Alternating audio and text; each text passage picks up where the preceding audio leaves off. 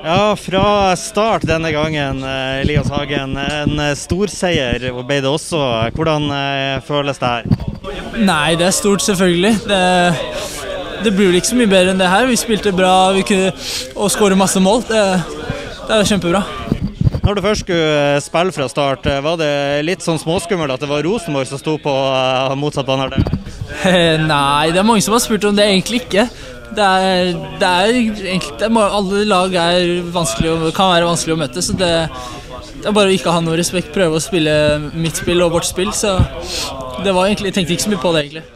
Ja, fordi at Du er jo ganske respektløs når du kommer inn her. Du går knallhardt inn i duellene og uh, du styrer hele midtbanen ganske elegant. Uh, kommentatoren vår sa jo at det så ut som du har spilt på dette laget i 20 år nå. Uh, hvordan var mentaliteten før inngangen, med inngangen til kampen her?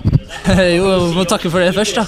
Det Nei, det er, det er, lett å komme inn i det her. Det er, eller lett, det tar litt tid, men når man først er inne i det, så, så er, flyter det bra. Det er masse gode medspillere, og da, da er det litt lettere å være god selv òg.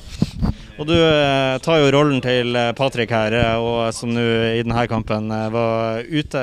Hvis han skulle forsvinne da, mot formodning, så er altså plassen din i trygge hender? ja, jeg er klar, jeg. jeg er klar for det.